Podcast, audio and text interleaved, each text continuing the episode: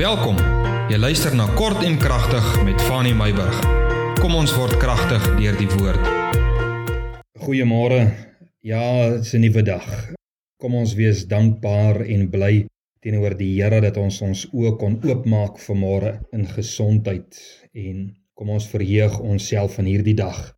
Vanmôre wil ek met jou gesels oor die dokter se voorskrif.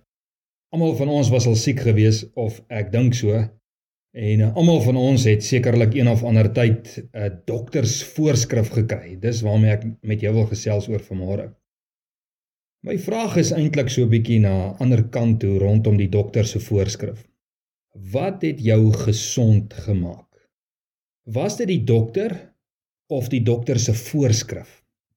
Nou ek verwys nou natuurlik nie na wanneer jy dokter toe gaan om vir jou die splinter uit jou voet uit te haal of in my seun se geval een keer was dit 'n uh, tande stokkie wat in sy voet gesteek het die ander keer was dit 'n windbuk skoeltjie hier in sy bors. Ek praat nou nie daarvan nie jy weet. En nou natuurlike soos ons dit altyd genoem het die ruk en pluk dokters. Ek praat nou nie daarvan nie jy weet maar werklik ek praat van 'n siekte toestand weet jou gesond gemaak was dit die dokter?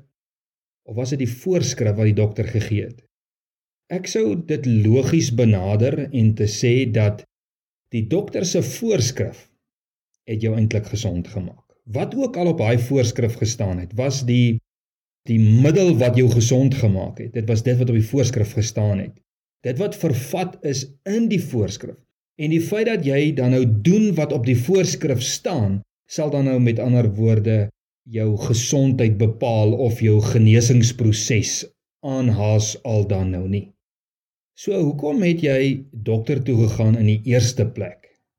En ek glo die antwoord is want daar is mos nou een of ander ongesteldheid wat jou lewe versuur en dalk jou lewe kan kos op die einde van die dag. En dit kort die wysheid en die insig en die kennis van die dokter. Nou die dokter kos mos nou gewoonlik 'n prys en so ook die dokter se voorskrif, né? Nee? Dit is mos nou voor die hand liggend. Nou as ons God in hierdie prentjie sou sit, as God dan die groot geneesheer is, wat beteken dit dan binne hierdie konteks van die dokter se voorskrif wat ek nou met jou oor gepraat het? Is dit nie maar in 'n mate dieselfde nie? Wat bedoel ek? Ons gaan na Jesus toe met ons kwaal van sonde wat ons lewens geestelik versuur en ons selfs ons lewe kan kos en ons vra dat God sal ingryp. En hierdie handeling is anders as aardse geneesere. Die rede hoekom ek dit sê is want dit kos jou niks om na Jesus toe te gaan om jou aan te hoor nie. Want die Bybel sê dat ons geneesheer is 'n genadige geneesheer en ons geneesheer, ons hemelse geneesheer, het barmhartigheid. En Jesus wys duidelik vir jou uit nê wanneer jy na hom toe gaan wat die wortel van jou kwaad is. En onmiddellik nadat die kennis gekom het dan breek Jesus die krag van die sonde en gee die Here aan jou voorskrifte wat jy moet doen en waarby jy moet bly om jou gesond te maak sodat jy gesond kan word en sodat jy gesond kan bly. Is dit nie die waarheid nie? Alhoewel die geneesheer geen fooi gehad het nie, dink 'n bietjie hieraan, het die voorskrifte altyd 'n fooi. Is altyd 'n koste. Want Jesus sê as jy agter my aan wil kom, dan moet jy jou kruis opneem. As jy na Jesus toe kom, dan is daar 'n prys om te betaal. Dit is soos daardie gelykenis verhaal wat Jesus vertel het van die ou wat 'n toring gebou het en hy sê as jy die toring wil bou dan gaan sit jy en jy maak 'n kosteberekening. Hoekom? Want dit gaan jou iets kos. Daar's 'n prys aan verbonde. Om Jesus Christus te volg daar is altyd 'n prys aan verbonde. En as jy na Jesus toe kom met jou sonde dan breek Jesus die krag van die sonde maar hy gee aan jou voorskrifte waarby jy moet hou wat jou geestelik gesond sal hou en geestelik gesond sal maak. As skrif wil ek afsluit Efesiërs 4 vers 20 tot 32. Ek weet dis 'n paar verse, luister dit gou uit. Julle het Christus nie so leer ken nie. As julle ten minste van hom gehoor het en in hom onderrig is soos die waarheid is in Jesus. Dubbelpunt. Wat is die waarheid in Jesus? Dat julle wat die vorige lewenswandel betref, die oue mens moet aflê. sien jy hierso kom die voorskrif. Jy was nou by die geneesheer Jesus. Jesus het die krag van die sonde gebreek, maar nou is daar 'n voorskrif. Jy moet die oue mens aflê wat deur die begeerlikhede van die verleiding te gronde gaan. Wat maak jou gesond?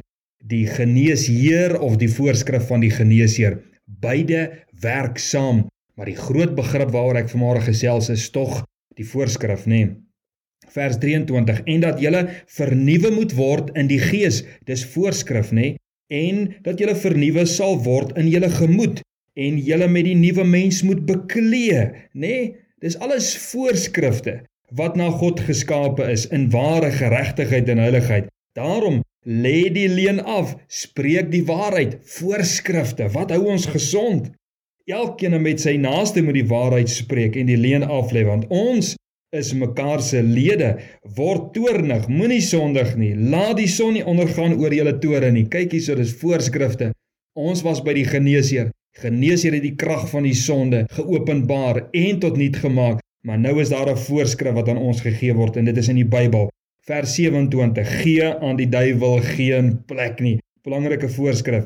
Laat die een wat steel nie meer steel nie maar laat hom liewer arbei deur met sy eie hande te werk wat goed is sodat hy iets kan hê om mee te deel aan een wat gebrek het.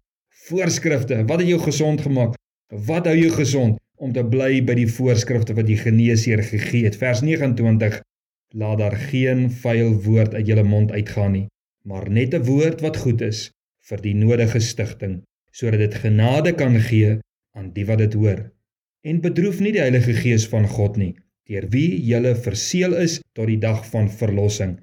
Alle bitterheid en woede en toorn en geskreeu, lastering moet van julle verwyder word, saam met alle boosheid. Maar wees vriendelik, vol ontferming teenoor mekaar, vergewe mekaar soos God ook in Christus julle vergewe het. Maak dit vir jou sin vanmôre? Wie genees ons? Die dokter of die dokter se voorskrif? Mag die Here jou seën hierdie dag en vat hierdie verse. Efesiërs 4 vers 20 tot 32. Maak dit ten minste deel van jou lewe. Hou by hierdie voorskrifte en die seën van die Here sal jou lewe vervul. Alles van die beste, 'n mooi dag vir jou wat voorlê. Môre wil ek met jou gesels oor varke. So skakel môre in ons gesels verder.